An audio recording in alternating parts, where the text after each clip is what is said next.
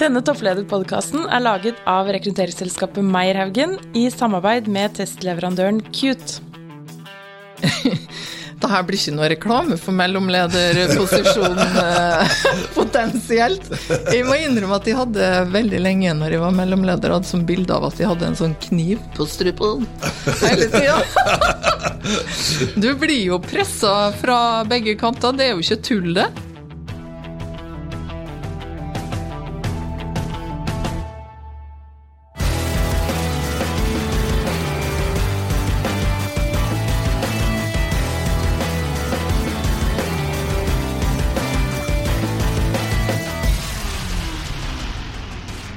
Dag har vi en veldig spennende gjest, og jeg har gleda meg skikkelig, Sverre. Ja, det, det har jeg også. Og det er Grete Aspelund. Hei. Hei. Grete, hvor er det du jobber hen? Jeg jobber i Sveko. Sveko er jo et uh, svenskt eid stort konsern. Og jeg er da president og ansvarlig for virksomheten vår i Norge. Og da har du kanskje en av de kuleste titlene i norsk næringsliv. Ja, veldig kul uh, tittel. President. President. Ja. Men du, Hva er bakgrunnen for en tittel og ikke administrerende direktør eller CEO, eller? Du, Det har jeg aldri gått i dybden på. Det tror jeg kanskje er fordi det er ikke så viktig for meg. Det som har vært viktig for meg, det er at jeg har ansvaret for virksomheten i Norge. Våre 1600 ansatte, våre mange tusen kunder og prosjekter.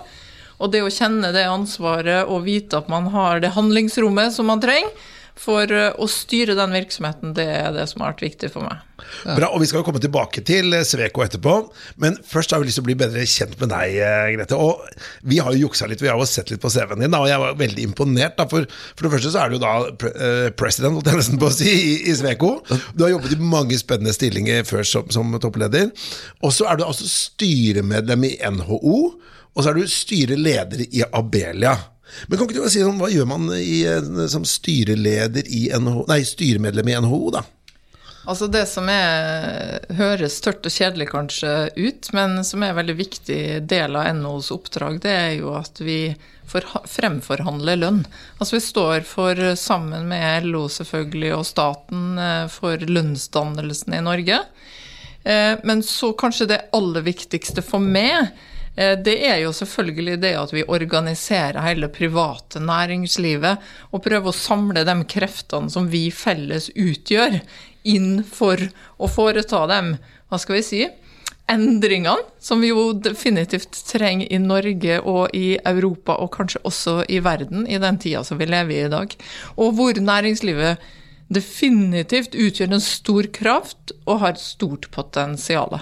Ja. Dette gleder vi oss til å høre og snakke mer om. Ja. Eh, men først så har vi lyst til å bli litt bedre kjent med deg som person. Og da pleier vi å stille dette spørsmålet, Grete, at hvis jeg hadde møtt deg, kommet bort til deg på en fest, og så hadde jeg begynt å snakke om et eller annet tema, det kunne være hva som helst, hva slags tema skulle jeg valgt å snakke om da for at du virkelig fikk vann på mølla?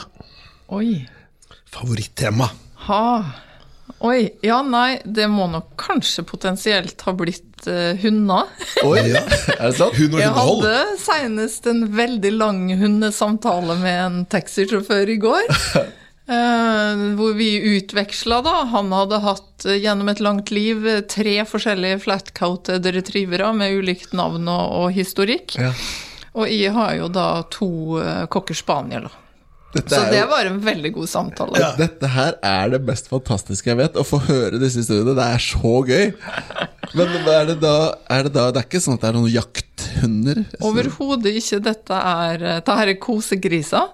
okay. Det vil si, han yngste han er bare sju måneder, så han er sånn som sju måneder gamle hunder er. Helt crazy. Henger rundt i trærne i hagen. Mens, mens, Ella, da, som er eldst, hun er jo en sånn sofagris. Ja. Så, men de er veldig Kokkere er veldig undervurderte hunder. Ja. Fordi de er veldig sterke i kroppen, veldig, kan være veldig aktive hvis de får muligheten. Og så er de utrolig søte, selvfølgelig. Ja, ja. Er dette noe du har med deg fra barnsben av, eller? Nei, jeg hadde en katt, Rasmus. Eh, men så har jeg da liksom på en måte avansert til hund i voksen alder. Ja, Sverre, er du hundemenneske eller kattemenneske? Du, jeg er jo for så vidt ingen av delene, fordi min kone er allergisk. Men, ja, det er kona mi også. Men hvis jeg hadde valgt, så hadde det vært hund. Det hadde ja, det, selvfølgelig. Det stas. By far, det skal jeg love deg. ok, eh, hundepersen der altså. Men vi har da også vår faste post med, tre kjappe. Og eh, Sverre, hvorfor har vi dette? Nei, det vi, vi har jo lyst til å, at du skal få lov til å gi noen tips eh, til de som lytter på denne podkasten. Du, jo, du har jo noen veldig viktige verv og har lært mye gjennom livet ditt. Eh, og det vi har lyst til å spørre deg om på slutten, de tre kjappe i dag, det er først om du skulle gi et boktips til lytterne. Hva skulle det vært? Eh, nummer to, hva er den største tabben man kan gjøre som toppleder ifølge dine mening? Og da blir det jo subjektivt hva du tenker. Og det tredje er hvor henter du inspirasjon? Altså Har du noen tips på gode kilder til inspirasjon for de som eventuelt skulle være nysgjerrig på, på toppledelse? Mm. Og det er jo greit for de som lytter også, kan tenke over hva hadde de svart på disse spørsmålene. Så Ja, men podkasten handler jo ikke om verken om cocky spaniel eller, eller boktips. Den handler om hvordan det, Det er veldig er å- dumt. det hadde vært en helt annen sånn podkastserie. ja. Eh, hvordan er det å være toppleder? Og Derfor så er det veldig spennende å høre hvordan eh, det er med deg, da, Grete. Hvordan, eh, hvordan er livet som toppleder, da? Eh, Det er veldig gøy. Ja. Altså kontinuerlig den der følelsen av å være veldig privilegert. Ja. Ikke privilegert fordi du får lov å fly og bo på hotellrom og sånn, det får du jo også, men det slutter du veldig fort å synes er Ja, for det, ja, det, det evalueres ganske kjapt.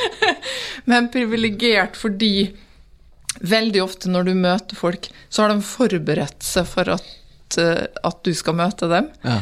De er gjerne et eller annet de har et engasjement for. Det kan være positivt, det kan være negativt. De har noe de vil vise det. Ja. Um, altså, du får jo tilgang på utrolig mye spennende folk og kompetanser og ideer. Um, det er ikke så veldig mange par uker bare siden at de fikk lov å være med på visning på Munch-museet før det har åpna. Og det må jeg bare si, den følelsen av å være privilegert, den uh, slo meg veldig da. ikke sant? Det her som kommer til å bli Norges nye praktbygg. Men det å, å få den visningen av prosjektlederen, møte fagfolka, se løsningen, høre dem snakke om Ja. betydningen av at Munchs kunst blir vist fram for folket i, i ordentlige omgivelser. Det, der, det kan bli ganske ydmyk over. Eh, og få en enorm respekt for hvor utrolig mange dyktige folk det finnes der ute. Men, men, men Sveko, er dere involvert i det prosjektet faglig? Ja, det er vi. Vi eh, har levert eh, alle lysløsningene. Det høres eh, kanskje ikke så imponerende ut, men vent til dere ser når lyssettinga er på plass for, eh, for Munch sin kunst. Og så har vi levert elektroarbeidet og også noe av stålløsninga på stålkonstruksjonen til bygget. Det er jo sånn at hele den norske byggebransjen har vært engasjert, ikke sant. Det er et enormt eh, prosjekt. Så vil jeg jo tenke at hvis det er, når det er snakk om Munch og, og, og kunst, så er jo lyssetting relativt viktig. Ja, det er Vil jeg det. tenke. Ja, Så, absolutt. men hvis du skal si litt bedre om, eh, om Sveko, da. Ikke sant? For det ligger jo litt i ordet at det er Swedish Company, holdt jeg på å si, et svensk selskap. Uh, fortell hva, hva er, for de som ikke kjenner Sveko inn og ut, hva, er, hva er, driver dere med? Vi driver med uh, ingeniørrådgivning. Det betyr egentlig at vi planlegger, vi tegner eh, og beregner konstruksjonen. Eh, eller altså enten det er en veikonstruksjon, et eh, næringsbygg, en, eh, en, et boligområde eller energiløsninger. Så vi har på en måte ingeniørene som står for de tekniske løsningene, rett og slett. Og er jo da ofte spiller på lag med investoren, eller byggherren, da, som vi kaller det på språket vårt, og, og entreprenøren som faktisk står for bygginga. Og hvor mange ansatte er dere i Norge i dag, da? Da er vi akkurat passert 1600 ansatte. Det er ganske stor bedrift, da. Men du snakket litt om, når vi snakker om det, hvordan er det å være toppleder, så snakker du om privilegiet. Men trykket, er det, er det tøft? Ja, jeg syns det. Eh, og så er jeg litt åpen, nei, opptatt av at man skal kunne være åpen om det òg. Ja. Fordi at jeg vet jo at mange kanskje kvier seg litt for å gå inn i den rollen, fordi de bare ser på noen supermennesker som flyr rundt, og tenker kanskje at det der ville jeg aldri greid. Så, så senest i går så kom jo jeg hjem etter en eh, veldig, veldig, veldig lang dag, og med flyreiser og forskjellige møter. Og, Og er jo ikke en veldig ok person jeg egentlig kjenner sjøl når jeg går inn døra hjemme. Eh, og det eh, er vel kanskje Kanskje det er den største nedsiden, at, ja. at du blir til tider pressa, eller du blir sliten. ikke sant? Det blir mange ting du skal være Aller helst så skal du jo være på ditt beste. Ja. Eh, og så er det jo så øyeblikker, da, eh, hvor du ikke greier det også, kanskje. Å mm. være bra, ikke sant. Eh, og det er vel et spørsmål også her, ikke sant, eh, knytta til det med tabbe som toppleder og sånn, så ja, det, det kommer vi sikkert tilbake til. til. Ja, det, da ble jeg kjempespent på hva det er som kommer der. Men det er noen som sier at det å være toppleder er ganske sånn ensom jobb. Altså, vi har jo pratet med ganske mange toppledere opp gjennom tiden, og ikke bare i forbindelse med podkasten her, så, så, sier de at liksom, du har ikke så mange å betro seg til. Uh, for de som står nær deg på familie, de vet jo ikke hvordan det er å være toppleder. De forstår ikke det gamet, liksom. Uh, og så de, de, andre som måtte forstår gamet, de kan du ikke si noe til, for dette kan være bedriftssensitive ting, eller børssensitivt, eller Du skal bare vise deg som en sterk leder. Kjenner du på den ensomheten noen gang? Ja, jeg må jo innrømme det. At jeg gjør det. Um, og særlig fordi at uh, du er jo veldig opptatt Altså, rollen din er jo å lede gjennom andre. Og for å gjøre det, så må du jo på en måte hele tida tenke på hvilke signaler du gir, enten de er formelle, eller i formelle eller uformelle settinger. Så det er klart at det er ting som du kunne ha tenkt å, tenkt å blåse litt ut om, som du ikke kan med dem du omgir deg sånn i mm. hverdagen. Og så er det vel ikke alle heller som har I hvert fall jeg har det sånn at når jeg kommer hjem, så har jeg ikke noe behov for å sitte og tømme utover kjøkkenbordet det som eventuelt eh, plager meg, eller som jeg syns er litt tungt. Jeg syns det er litt deilig å komme hjem, og så er det noe annet mm. som vi kan snakke om. Eh, men der vet jeg at vi mennesker er veldig forskjellige, og jeg har jo snakka med mange som har sagt at hvis ikke de kunne snakka med kona si mm. om så her ting, at de føler at det er et slags felles eh, oppdrag, nærmest, da. Men der er jeg ikke i. Jeg syns det er litt deilig å komme hjem, og så kan vi snakke om andre ting. Og så er det jo vanskelig også for, for, venner, tror jeg, av og til å kunne relatere seg til hva det, hva det, det faktisk handler om. Mm. Jeg, jeg, kjenner meg veldig enig i det. Jeg tror det er veldig personforskjeller. Mm. Fordi jeg òg er som deg, kanskje, at jeg, mm. jeg har ikke noe behov for å gå inn i det når jeg kommer hjem. Nei. Mens min kone er sånn at hun nevner jeg rett som det på disse podkastene Hun er sånn at hun liker å snakke ut ting. Ja. Og det er, prosesserte. Ja. Ja. men vi har lyst til å prate litt om også tilbake til Sveko også, da. Eh, og eh, et viktig tema i alle bransjer nå er jo disrupsjon av bransjen. Så hvis du skulle sett inn i krystallkulen da, Grete, og sett liksom, hva skal jeg si, fem år fram i tid kanskje litt lenger. Hva, hva skjer i din bransje da, tror du? Oh, det er to ting som tro, kommer til å trumfe alt annet. ja, men Er, er 3D-printing en av de? Nei. Kanskje, vet ikke. Altså, Jeg må flire litt av med 3D-print, og det er sikkert veldig teit å gjøre, men, men det er så innmari mange år siden vi sto og så på sånne små dingser som kom ut av en sånn 3D-printer. Ja. Ikke sant? Altså, ok, sjøl om vi er treige i den bransjen her, så, så er vi vel ikke så treige. Altså, ja, det vil forhåpentligvis effektivisere noe, men jeg tror ikke nødvendigvis det er det som vil endre bransjen vår. Det som jeg tror vil endre bransjen vår, det er at vi skal bevege oss fra fossilt til fornybart. Ja. Altså klimautfordringa vi står overfor, og det behovet for bærekraftige løsninger. Og vi vet at gjennom byggeplasser så står vi vel for noe sånn som 40 eh, av utslippene i, eh, i, dag. Så det er nødt til å skje enorme endringer. Og jeg syns at det er utrolig interessant å se hvor fort det har skjedd. Eh, jeg så en oversikt her om dagen hva som er topp på den politiske agendaen i, i EU-landene. Og klimautfordringen har ligget på bunnen av sju sånne kategoriserte utfordringer, hvor immigrasjon har vært den nummer én i nå siden 2011. Ja. I 2019 så gikk klima fra å være bunn syv til å bli nummer to. Ja. Og det skjer da i løpet av noen måneder, ikke sant? Og det syns jeg også at vi sitter og kjenner på som bedrift. Altså investorene de er superopptatt av at vi kan de bærekraftige løsningene. De er opptatt av at når de skal investere i et nytt bygg, så er det et bygg som er bygd for framtida, med de rette sertifikatene, med de rette energieffektive løsningene. Så jeg syns jeg ser at det er bygg, eh, altså de store offentlige byggerne begynner i hvert fall å etterspørre vi begynner å få mer kunnskap om at vi må måle på livssykluskostnad istedenfor å se på den umiddelbare byggekostnaden. Så jeg tror det kommer til å forandre bransjen vår. Og det andre er selvfølgelig eh, digitalisering, altså at vi skal gå fra det analoge til det digitale. Og der er det allerede også utrolige ting som skjer i enkeltprosjekter. Men når vi får kobla store mengder data, unnskyld meg, og erfaringer eh, fra eh, mange prosjekt, eh, hvor det blir, uavhengig av plattform osv., så, videre, så tror jeg vi kommer til å se at, at det kommer til å endre bransjen vår totalt. Og så tror jeg på en måte at klima- og bærekraftsagendaen har gitt oss en tydeligere ramme ja. som det digitale skal virke innafor. For jeg, jeg så, uh, hvert fall de som bor i Oslo, da, som går forbi Saga kino, har jo sett hvert fall de siste månedene der. For det første har de kutta ned alle trærne. Og for det andre så har de da har de gravemaskiner som går med på strøm. Så det skal være i hvert fall det jeg tror i hvert fall den første Har de det? Ja. For det, ja, ja. det morsomme var det jeg står og tenkte skal jeg spørre om det, mon tro? For jeg har sett liksom elbåter og noe sånt. Altså elgravemaskiner. Ja, for det er, jeg, i hvert fall jeg hørte, så leste jeg med Dopp på det, der, at det skulle være Norges første klimanøytrale byggeplass. Yes, helt riktig, det stemmer det. Og jeg syns det er veldig bra at du nevner det, fordi jeg syns Oslo kommune får ufortjent mye pepper. Altså, vi trenger jo noen som går foran.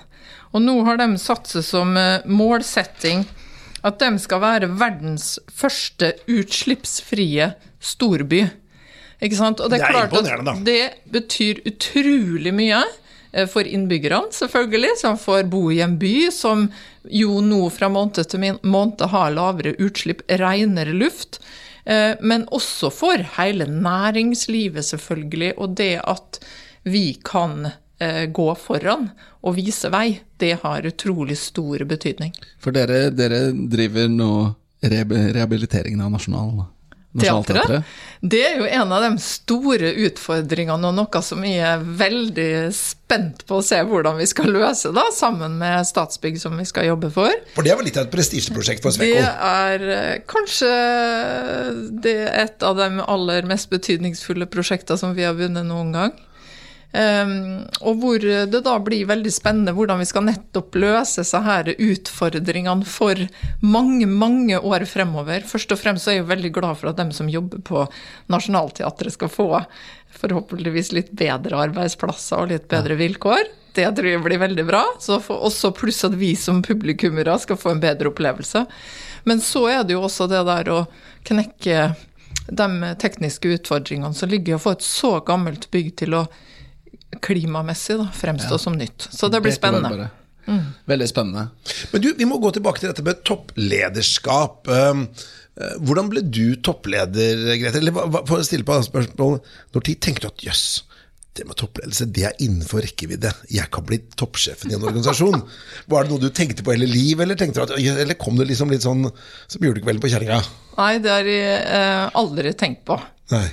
Eh, men når det er sagt, så er jeg nok en person som eh, går inn og så ser at her, her, kunne jeg ha gjort en jobb. Her kan jeg gjøre en jobb. Her kan jeg gjøre en forskjell. Eh, det er veldig vanskelig for meg å la være å, tenke, å se, og så tenke hva som kunne vært gjort. Sånn at eh, jeg vil heller kalle det for en mer sånn gradvis utvikling, hvor jeg har vært veldig heldig og blitt gitt muligheten, da. Men hva vil du si er Ja. ja er, det, er det så enkelt som det? Ingen strategiske veivalg? Jo, det er klart det er det underveis. ikke sant? At du kjenner at 'oi, det her er jeg ganske god på'.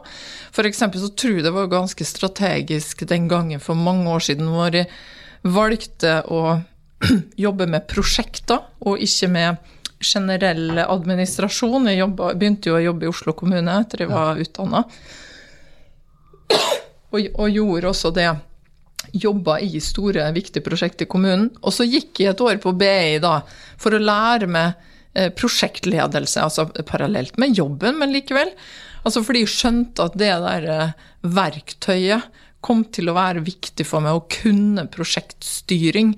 Og det har jo vært Det er i dag veldig verdifullt for meg. Ja. At jeg både har brei prosjektledererfaring og kan teorien bak. Så, så det, sånne type veivalg Og så tenker jeg jo på det som et strategisk veivalg, det der å hele tida passe på nettopp å lære seg noen nye ting. Ja. Ikke sant? Men hva vil du si er den største fordel, eller forskjellen mellom å være mellomleder og toppleder, da? Det her blir ikke noe reklame for mellomlederposisjonen eh, potensielt. Jeg må innrømme at de hadde veldig lenge når jeg var mellomleder, hadde som bilde av at de hadde en sånn kniv på strupen hele tida. Du blir jo pressa fra begge kanter, det er jo ikke tull, det. No, between a rock and a hard place. Ja, det er jo veldig tøft, altså. Eh, Det der at medarbeiderne vil at du skal fronte noen spesielle ting, ikke sant? har sine krav og behov, og, og så er det fra toppen så, så Ja, det trykkes jo nedover, da. Eh, Men det er viktig å ha med seg den erfaringa når man sjøl er toppleder, og jeg sitter jo ofte Jeg syns det er en veldig relevant erfaring og betraktning, da. For jeg tenker ofte på det når vi tar beslutninger i min ledergruppe, og hvordan vi skal gjennomføre det og sånn. Um, så er det fort gjort at du bare øker presset som allerede er der. Ikke sant? Istedenfor at du tenker på hvordan du kan tilrettelegge for prosesser som gjør at du får forløst da kanskje mer potensial i organisasjonen. Det er godt, eh, godt råd. Men men mange som sier at ikke sant, det er, alle toppledere har vel vært mellomledere en gang.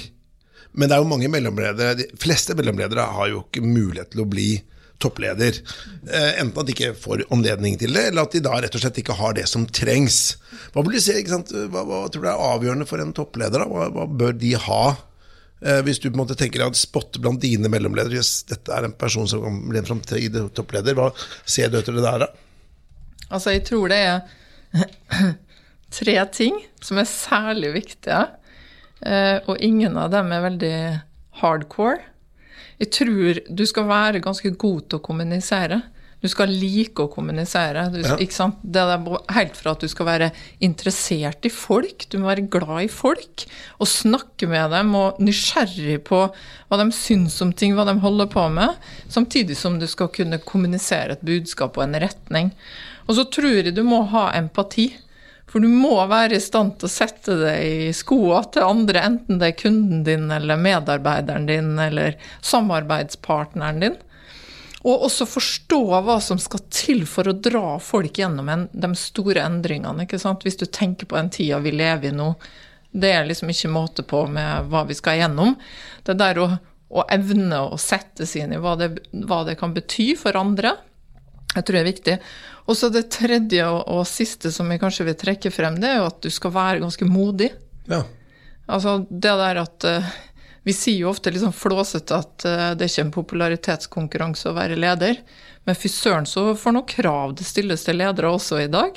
Ikke sant? Du skal være på sosiale medier, du skal se bra ut, du skal være på de alle de rette arenaene. Delta i podkaster. Delta i podkast. Jo, men du skal hele tida tenke på at du representerer selskapet ditt, ikke sant?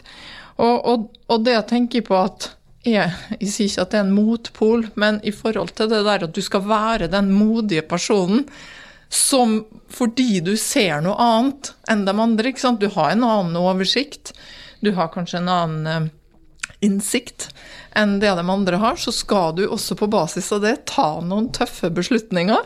Det er nødvendig i dag. Um, og det, det kan være ganske krevende, tror jeg, når du også samtidig skal liksom skinne rundt omkring. Og så er det vel dette her med, uh, dette med hva skal jeg si, eierne, da, eller uh, styret. Eh, de er også, kan også være en ganske kravstor gjeng. Hvordan vil du si at et ideelt styre bør fungere, da? Oi. Ja. Her har jo du ekspertmakt, for du sitter jo i styrer selv. Ja, jeg, jeg fikk nesten lyst til å snakke litt om, eh, om Sintef, fordi jeg er på det sjette året mitt der nå. Og det er siste året man kan sitte i styret i Sintef, en sånn seksårsgrense. Og da begynner man jo å reflektere veldig mye om hva man har erfart og lært på de seks åra. Og der syns jeg vi har vært et veldig sånn godt kollegium med en blanding av eh, fire eksterne da, fra forskjellige bransjer. Og selvfølgelig da eh, ansatte representanter fra Sintef, og så også fra, fra NTNU. Så jeg tror kanskje det jeg har satt ekstremt pris på der, har vært eh, forskjelligheten. Eh, faktisk både i alder og erfaring. Og at der har både på en måte utdanningen og forskningen og næringslivet møttes på, på en arena, og så har det vært veldig sånn respektfullt. Altså det har vært oppriktig interesse for den andres perspektiv. Det har ikke vært en arena hvor det har vært viktig å vise seg fram, men mer å, å utforske litt hverandres perspektiv. Um, og det har jeg satt veldig pris på. Og når jeg da f.eks. er styreleder i, i Abelia, så er det jo det jeg hele tida jobber for å prøve å få til i det kollegiet der. At vi skal lytte til hverandre, fordi at vi kommer jo der fra helt forskjellige forretninger.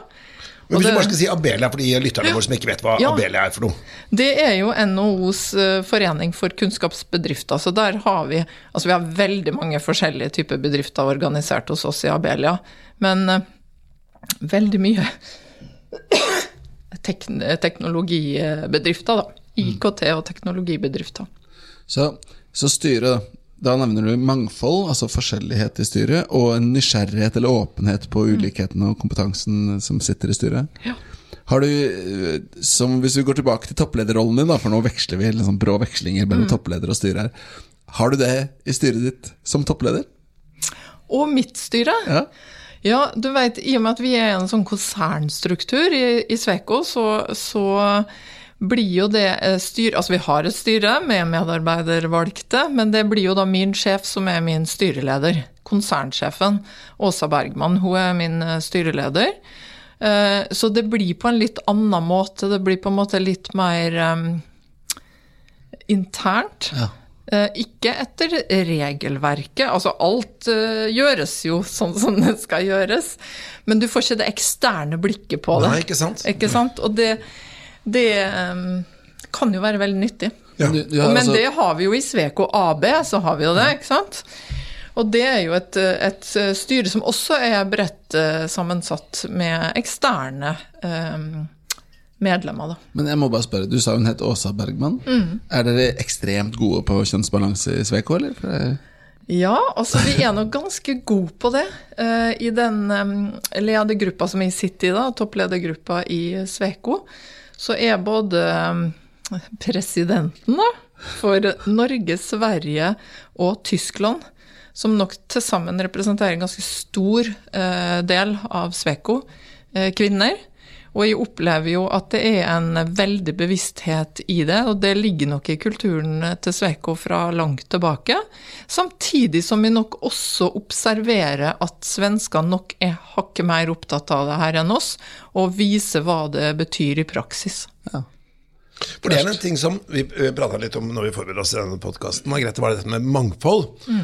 Og mangfold kan jo være så mye. Da. Det kan jo være kjønn. Mm. Det kan være etnisitet, kultur, alder, utdanningsbakgrunn. Det kan jo være si, så mange variabler mm. man bare tenker. Uh, og så hører man jo hele tiden at dette med mangfold, uh, det er bra for business. Hva tenker du rundt det? Ja, der, det har jo uh, Jeg føler nok virkelig at de lever det, hvis du skjønner. Altså at de kjenner, uh, at de kjenner på behovet for det. Uh, I den bedriften som vi er i nå, så er det ingen tvil om altså, Det er sånn en kompleksitet i den problemstillinga som vi skal løse. At jeg syns at de daglig observerer at det her blir ikke bra. Hvis ikke vi sørger for at det blir mer enn ei stemme. Du kan bare tenke deg noe sånn som ja, vi kan ta eksempelet eh, Torgata, Storgata, området der. Vi har jo vært med å omforme hele området. Det er klart at du må ha en blanding av kompetanser inn når du skal gjøre om de gatene der til levende områder eh, tilrettelagt for eh, unge, eldre, barnefamilier det nytter ikke å ha én type folk som sitter og tegner og designer og bestemmer hvordan det der skal være. Du må ha ulike kompetanser, bakgrunner, eh, flere kulturer. altså Du må rett og slett ha veldig mange forskjellige perspektiver inn. Er det viktig når du setter sammen toppledergruppen din også, den altså, som du er leder for? Eh, du sier at det er mye forskjellige personer her, men er du spesielt bevisst på det når du rekrutterer? at La oss si at du har En er liksom kvinner og menn, men la oss si eh, kompetanse, personlighet, tilnærming. Er du, bevisst, er du veldig bevisst på det når du setter sammen toppledergruppen din? Ja, jeg vil si at uh, det er jo et ideal langt på vei, ikke sant. Det er det også for meg. Men jeg syns jo det er veldig utfordrende. Um, det som vi har fått til i Sveko Norge, er jo bl.a. at vi har en uh, tror jeg, ganske uvanlig brei representasjon hvis du ser på alder. Eh, og det innebærer jo også erfaring. Så eh, den yngste i min ledergruppe, han blir vel 35 år nå. Han er Oi. divisjonsdirektør og ansvarlig for eh, et sted mellom 400-500 medarbeidere. Oi, supertalent, da. Han er veldig flink, ja. ja. Og så har han mange kvaliteter. Han har gjort forskjellige ting eh, som kanskje er litt sånn utafor, eh, i tillegg til å være selvfølgelig sivilingeniør og, ja, ja. og, alt det der. Eh, men det som jeg ser det har gitt en enorm gave da, til meg, men også til teamet, at vi har eh, veldig mange Altså vi er fra 35 til, til nesten 60, da. Eh, det er jo at vi ser veldig forskjellig på ting. Og det syns jeg at de får den kontinuerlige påminnelsen på hvor viktig det er. Eh, det er ikke sikkert at Sigurd, da, som er 35, syns de ser helt likt på eller syns at de samme tinga som jeg syns er vanskelige. Det er ikke sikkert han syns det er vanskelig i det hele tatt. Nei, ikke sant? Og han kommer også fra organisasjonen med den helt sånn blodferske erfaringa på hvordan det er, hvordan vi gjør ting. Um, og det er utrolig nyttig. Men jeg følte at det var en modig beslutning den gangen. Ja. Mm. Men apropos modig og beslutninger, tenkte vi skulle gå over til temaet som eh, går på dette med personlighet. For du var litt inne på det her i stad, Grete, i forhold til hvilke personlighetsegenskaper som er viktige. Og vi har jo i samarbeid med KUT, altså denne testleverandøren som uh, har hjulpet oss med å se på hvilke personlighetsegenskaper som kjennetegner toppledere. Da bruker man da Cute sin Shapes Executive Test. Og, og Sverre, det er du som på er litt ansvar for denne delen av podkasten. Ja, og først så har jeg lyst til å gå litt inn i det du egentlig tar litt videre på det du snakket om. For du snakket om dette med god til å kommunisere, du snakket om eh, empati, og så snakket du om det å være modig. Eh, men hvis vi liksom legger til grunn Eh, hva slags personlighetstrekk tror du er viktig for å ikke bare virke bra, altså gjøre en god jobb, men mm. også for å trives? Og, og tåle å være toppleder. Mm. Er det noen andre trekk som er viktige, eller har du dekket det med de tre? Jeg vet ikke om, om det er riktig begrep, men selvledelse tror jeg er utrolig viktig. Altså det at du, at du, ikke er avhengig av at det er noen andre som alltid skal enten fortelle deg hva du skal gjøre, eller dra det opp når du er nede, eller eh, Altså, du må faktisk være den som eh, i hvert fall legger til rette for at retningen blir valgt. Ja. At beslutningen blir tatt. Det er ingen andre som gjør det. Så det at du, du må evne å lede det sjøl, ikke bare teamet ditt, men det sjøl. Har du noen tips der? Eller? Har du noen hemmelige triks? du syns du trenger det, Sverre. oh, yes. Dra deg opp når ting er vanskelig. Nei, men er, For meg så er det litt av det samme som at du må liksom hele tida tenke at du må lære, lære det ting. Ja. Altså jeg er veldig opptatt av det. Prøv, å prøve å trekke læring ut av ting, det holder meg oppe, da. Ikke sant? Når hvis jeg har vært gjennom en kanskje en veldig utfordrende erfaring eller krevende situasjon, så er det hos meg etter hvert blitt sånn refleks hvor jeg tenker at hm, hva kan jeg ta med meg herfra? Hvordan skal jeg bruke dette her nå neste gang? Eh, og det, det holder meg oppe, faktisk, det å gjøre det. Og så hender det faktisk også, sjøl om jeg leser veldig lite faglitteratur, det må jeg innrømme, men det hender også at jeg da kan få motivasjon til at jeg vil lese litt mer om ikke sant, det der med ja, f.eks. hvordan lære ledere, da, etter 20 år på jobben. Men jeg merker jo at dette lille tipset ditt allerede funker litt på meg. For jeg tenker nå, Neste gang jeg er i en tøff situasjon, skal jeg tenke hva kan jeg lære av det her? Ja. Det, men det er en veldig god tankemodell. Da. Men da må man liksom ha også ressurser til å se seg selv litt utenfra. Da. Det er litt en metaperspektiv. ikke sant? Så hvis du står virkelig For det er sånn kommunikasjonstriks jeg lærte for um, når jeg studerte, var at uh, hvis du syns en ting er vanskelig, da så prøv nettopp å se deg selv utenfra. F.eks. Man, man krangler, eller man er i dårlig humør, eller et eller annet. Ah, her er, går du rundt og er dårlig humør, Petter. Liksom. Ja. Eller her sitter jeg og krangler, eller her syns ja. jeg dette er vanskelig. Og da, det er en sånn vidundervåpen, bare for å se seg selv litt utenfra. For da setter man litt perspektiv på det. Mm. Hva med hvis vi ser på dette med å være overbevisende? Mm. For du snakket om dette med å være god til å kommunisere. Mm. Men uh, I Shapes Executive, denne testen vi snakker om, mm. så, så, er det en av aksene da, som vi titter på når vi ser på toppledere. Det er dette overbevisende. Mm. Eh, hvor viktig tror du det er for å være toppleder? Altså? Jeg tror det er ganske viktig. Uh, og det tror jeg Hvis du tenker deg en, en, leder som ikke tror på det han eller hun skal, skal liksom få organisasjonen til å gjøre, men ikke egentlig tror på det sjøl, altså det er nesten en umulig oppgave. Så du må på en måte ta eierskap. Vi liker jo det begrepet, det syns jeg er konstruktivt i den sammenhengen. da. At du må sjøl eie det du Ta eierskap til det du skal få til. Eh, fordi uten det så, så blir det veldig vanskelig å og eh, jeg tenker objektivitet Jeg vet ikke helt hvor relevant det er egentlig i den sammenhengen i det hele tatt. Nei.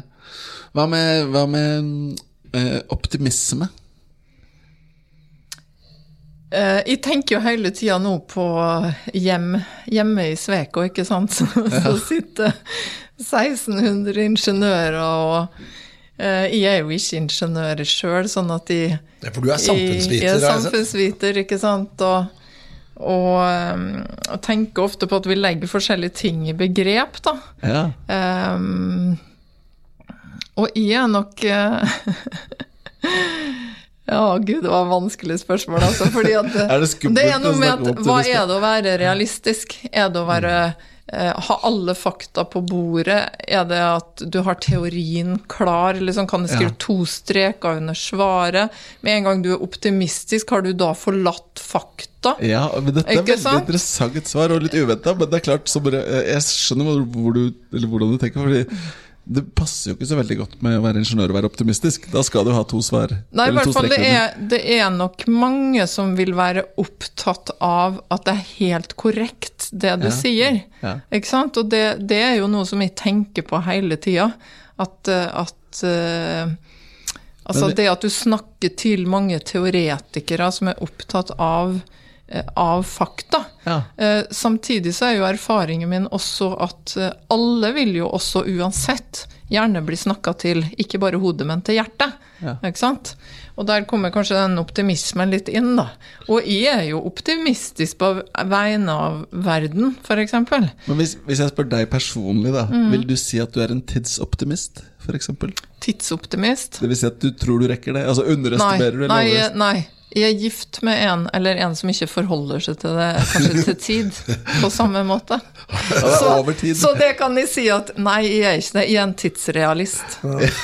Mm. Passer godt inn selv, men, men, men, en ting som er viktig, da, hvert fall når vi diskuterte med Cute uh, disse eh, personlighetsegenskapene, så sier vi at alle personlighetsegenskaper har en positiv valør og en negativ valør. F.eks. være entusiastisk, eh, optimistisk, så kan du være si at det, eller besluttsom, da. Som ting som man tenker er utelukkende positivt. Men klart, er det for mye av det, så blir du ikke rette ikke Du kan bli overoptimistisk, du kan bli over, overentusiastisk. Eller du kan, hvis du er så beslutsom at du ikke hører på innspill. Så det er tankegangen. Men samtidig kan det være negativt hvis du ikke har noe av det, for da får du aldri ut fingeren. ikke sant? Men, men, merker du det er en, en, La oss si det med å ta beslutninger, da. For det er, liksom, det er mange som hater toppledere som aldri får fingeren. Ja. Men blir beslutningen feil, så blir de også gærne. Ikke sant. Nei, jeg vet at de har i perioder hatt overslag på å vært for besluttsom. Ja. Eller at dem rundt meg har følt at at de har kanskje tvinga ting frem. Ja. Og det har ofte vært i situasjoner hvor jeg kanskje har vært endringsagenten, da, som kommer inn og så skal vi gjøre noen store ting. Ehm, og det, det i ettertid igjen, da, apropos tilbake til liksom, hva prøver du å lære av det, eh, det er vel kanskje at uh, du må gi prosessen tid. Ikke all verdens med tid, for det har du jo bare ikke. ikke sant? Du skal levere resultater, men likevel å ha, ha respekt for, for tid i, i store endringsprosesser. Samtidig så tenker jeg at uh, av og til er det faktisk bare det som skal til, at det er noen som kommer inn og bare tar beslutningen og ja. sier at sånn blir det. Ja. Men, eh, men, ja, det, det, det, er noe som jeg kan kjenne igjen, at de kan ha uh, har fått tilbakemeldinger på det, at de kan, uh, kan ha vært litt for besluttsom. Og så er vi nok i min ledergruppe også flere som har det trekket. Ja. Og da kan jo det bli veldig mye besluttsomhet på ett sted, ikke sant. Ja. Så da må du balansere det ut med, med dem som ikke er så sterke på det, da. Ja. Jeg tenkte vi skulle gå til mitt favorittspørsmål, Sverre. ja. Er det greit? Kjør på. Ja. Og mitt favorittspørsmål når det gjelder toppledelse, da. Tror du, Grete, at en toppleder kan lede hva som helst? Eller må du være veldig faglig sterk innen det feltet man skal lede? Hvilken var det Kenning-tradisjonen dette kommer fra? Jeg får så pes bare for jeg tok litt historikk rundt dette her, men uh, Ja, altså uh, Dere spør jo da en samfunnsviter som er leder for veldig mange eh, ingeniører. Eh, men jeg tror ikke du kan gjøre det sånn helt umiddelbart. Jeg har jobba nå med å bygge bro mellom eh, markedet og kundesida og veldig tekniske miljøer i ganske mange år. Og jeg har gjort det fra i utgangspunktet en sånn analysetradisjon. ikke sant? Det er, jo, det er jo noe av det som jeg kan, er jo analyse og, og den type ting. Og, eh, så jeg tror at eh, du kan det når du har nådd et visst nivå. Jeg ville aldri i Sveko kunne gå inn og være gruppeleder for akustikkgruppa. Altså, det kan du bare glemme. Altså, da må du ha fagkompetanse, og, og du må forstå hva det her dreier seg om. Men jeg tror at det kan på det nivået som er nå, eh, hvor ledelse handler om andre ting enn å gi faglige anbefalinger, så tror jeg at det kan gjøre en eh, brukbar jobb. Så det du sier her, da, er at du kan være toppleder uten å nødvendigvis ha den dybdekunnskapen, men du kan ikke være mellomleder av den dybdekunnskapen. Så du, du kunne ikke, siden du har en annen utdanningsbakgrunn, du kunne ikke gått gradene i Sveko og endt opp på toppen. Du måtte ha kommet utenfra og rett inn på toppjobben. Ja, eh, for, men nå har vi jo fagmiljøet i Sveko også som er mye som er bredere. Vi har f.eks. Ja, ja. fagmiljø hvor de jobber med byutvikling og byplanlegging og sånn. Og der tenker nok jeg at, eh, at veldig mange forskjellige typer eh, utdanningsbakgrunn kan lykkes og, og gjøre veldig god karriere.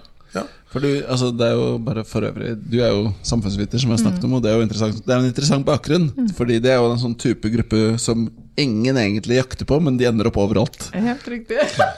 Men jeg tenker vi skulle gå inn litt for uh, landing her, i avsluttende delen av podkasten her, og da har vi jo et spørsmål Uh, Hvis du tenker, hva skal jeg si, etter du har hatt en lang og rik karriere som toppleder innen hva skal jeg si, business, da, og så tenker du øh, du skulle få tilbud om å lede en non-profit-organisasjon. Hvilken som helst, eh, Norge eller utlandet. Eh, ikke tenke på lønn, eller så bare liksom, hvor ligger hjertet nærmet, Hva skulle det vært? Utenom Norsk Kennelklubb, da, selvfølgelig. Men det er jo selvfølgelig et poten... Nei, ikke det, men nei. Foreningen for omplassering av dyr, f.eks. Det, Ja. kunne- det kunne absolutt ha vært noe for fod, eller? Ja. Ja. ja. Det er det det står for. Det skjønte jeg først nå. Jeg har sett Fod-gården så mange ganger. Nå skjønte jeg det. Eller så kunne jeg nok også ha gjort en sånn decent jobb, tror jeg, for Kreftforeningen. Mm. Det er noe med ting som, som du kanskje har, eh, som har berørt deg. Um, jeg har jo et uh, veldig stort eh, sånn hjelpegen, så jeg kunne nok ha, ha funnet mening i veldig mange mange NGO-er som har uh, til hensikt å hjelpe uh, andre. Mm. Ja. Så her har du ganske mange ting du kunne tatt Men kunne du han realistisk sett kunne tenke deg å søke på en sånn jobb, da, hvis den var eh, Ikke i dag. ledig? Men om noen år? Om noen år så kunne nok det skjedd, men i Ja. dag så føler jeg fortsatt at de har eh, for mye ugjort. Ja. Bra. Der ja. Men det du også har ugjort, da, det er å svare på de tre kjappe. Yes. Og, Og- det er jo på mange vis et av mine favoritttematikker. Mm. For da går vi jo litt inn på Du kan gå egentlig i hvilken retning du vil. Um, for Første spørsmål er et boktips til lytterne. Og, Ja. og nå har du egentlig spoila det litt, for du sa at du ikke leser så mye faglitteratur, så da forventer jeg nesten noe skjønnlitterært. Men, Ja, ja. Det skal du få. Ja. Og da er det to Jeg må bare få lov å si to, da. Ja, Eh, fordi at eh, det er jo ei bok som jeg tror kanskje er noe av det beste som har kommet ut i Norge de siste åra, og det er han eh, Tante Ulrikkes vei. Ja, er Og det er jo fordi at han setter ord på utenforskapet. Han ville kanskje ikke kalt det utenforskapet, men det der å vokse opp i Norge og eh, ha til dels såpass andre livsbetingelser, det syns jeg var en veldig, veldig viktig bok i Norge. Men så må jeg også si da han som nesten fikk nordisk litteraturpris i går, Jan Grue. Eh, jeg lever et liv som ligner deres. Eh, hvordan han også på en måte beskriver litt det derre Eller det han gjør, er at han ser seg sjøl litt utenifra og prøver å sette ord på hvordan det er å være annerledes, og kanskje aldri bli heller en av dere. Eh, det syns jeg har vært to fantastiske bøker. Altså, det er altså så spennende å høre disse svarene. Jeg kjenner jeg må lese mer bøker. Det er veldig spennende. Ja. Eh, tusen takk for flotte tips. Eh, vi skal gå litt tilbake for så vidt til toppledelse og spørre deg hva mener du, basert på personlig mening, er den største tabben man kan gjøre som toppleder? Og nå er vi spent for det. jeg synes det er helt på. grusomt vanskelig spørsmål, fordi man kan Jeg føler liksom hver dag at de kan gjøre så utrolig mange feil. Sånn generelt så må jeg kanskje si at det der å bli litt for opptatt av seg sjøl, er kanskje krisa. Hvorfor er det krise? Fordi det som er interessant, det er jo ikke egentlig det er jo ikke du som er interessant, det er på en måte organisasjonen og folka. Eh, og, og, hvis du liksom mister interessen for omgivelsene og, og dem rundt deg, eh, så tenker jeg at du mister egentlig også relevans, rett og slett. Så det å få litt hybris og være litt for selvsikker, det å ikke være så opptatt av hva andre mener og tror og håper, det er en kjempetabbe? Altså, jeg mener jo ikke at man ikke skal være Altså stå, stå, stå støtt og ha liksom selvtillit, men det derre å, å, ikke være interessert i andre, altså det er Det tenker jeg litt Det er tabbe. Kjempegodt svar, det også. Vi skal gå på det siste spørsmålet. Og da er vi også på tips til lytterne på hvor de kan hente inspirasjon. Hvor henter du selv inspirasjon? Ja, nå kommer jeg akkurat fra mitt favorittsted på jord. Eh, ikke akkurat nå, da, men eh, på søndag kveld. Da har jeg vært eh, to dager på Vavatn. I tre minusgrader på 1200 meters høyde og tusla litt rundt i fjella der. Oi, det, Vavatn, hvor, hvor ligger denne? Det ligger i Hemsedal kommune. Oh, ja. mm, litt sånn ikke akkurat ski in, ski out. Nei. Veldig... Walk in, walk out. ja, walk in, walk out. Det er, for meg så er det noe med det derre når føttene går, og så, og så, kan du være i naturen og, og bare la tankene komme, da. Ja. Ikke sant? Uten at det er en agenda, uten at det er en plan, det er ikke noe du skal rekke. Eh, og da kjenner jeg at da kommer ideene. Da kommer liksom tankene om ja. hvordan jeg kan løse ting som jeg kanskje føler at de har stått litt fast på, eller, ja. eller kreativiteten, da, ja. som man fort mister i en sånn veldig pressa hverdag. At den kommer litt tilbake når du får litt eh, luft. Så fjellet, natur. Mm. Veldig inspirerende og godt svar, syns jeg. Men Du, Da tenker jeg vi skal runde av da. Ja. Eh, fantastisk spennende og interessant å lytte til deg, eh, Grete. Jeg må si at Dette, har vært en, eh, dette er en av grunnene til at vi gjør den podkasten også. Det er jo for at lytterne skal få inspirasjon. Men vi lærer jo jammen mye selv også, Sverre. Ja, det gjør vi. Og vi skriver ned i boka at vi kan notere det som veldig hyggelig å ha besøk av en president som er samfunnsviter, som er veldig besluttsom, opptatt av ydmykhet, en tidsrealist, som har et hjelpegen. Ja, og la det være closing statement i dag. Tusen takk for analysen. Har du innspill eller kommentarer til denne podkasten, kan du sende en e-post til toppleder at meierhaugen.no.